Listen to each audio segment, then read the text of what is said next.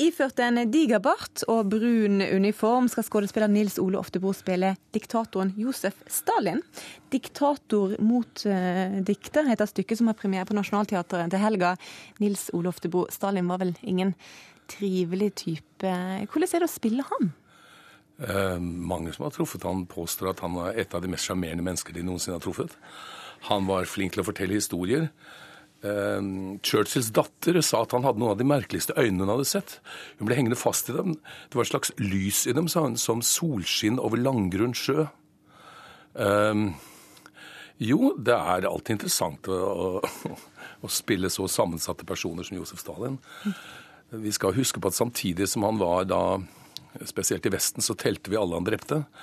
I øst så telte de også det de opplevde som seire, så han var jo i like stor grad forgudet. Han var en slags, han var maset tung for, eh, for uh, russerne, ikke sant.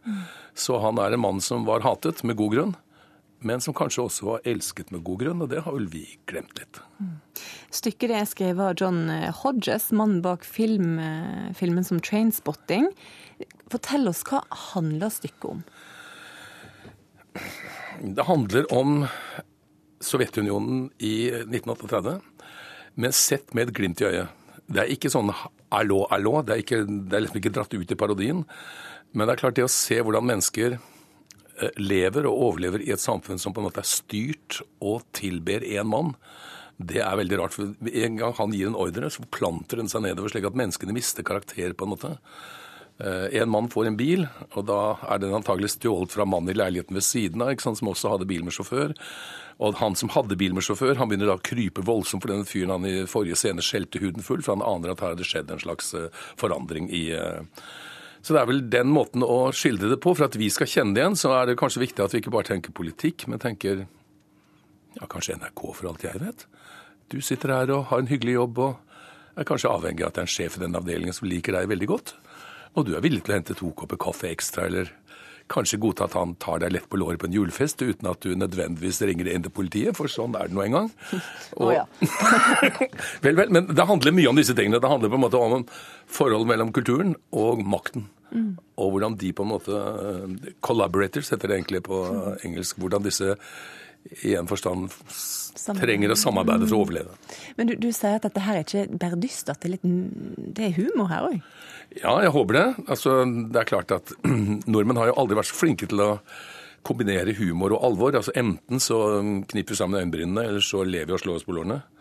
Og dette er, en, dette er, et stykke som ligger i grenselandet mellom. Du forsøker å se på en, en seriøs eh, side av uh, historien, men med et glimt i øyet. Hva er ditt forhold til, til Stalin? Mitt forhold til Stalin Ja, skal jeg se um, Jeg må innrømme at jeg i lang, svært mange år har hatt et helt uanstrengt forhold til Stalin. Jeg har ikke tenkt noe særlig på han. Men i sin tid, i 68, så ble jeg vel kastet ut fra en studiesirkel fordi jeg var kritisk til Stalin.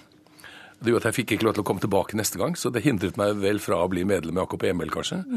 Så Derfor er det interessant nå at jeg har satt til å portrettere han liksom 40 år etter. Det er interessant. Mm. Og For å portrettere han, så har du skaffa deg en stor eh, fjong bart. Takk for det. Eh, ble du mer Stalin når du fikk den barten?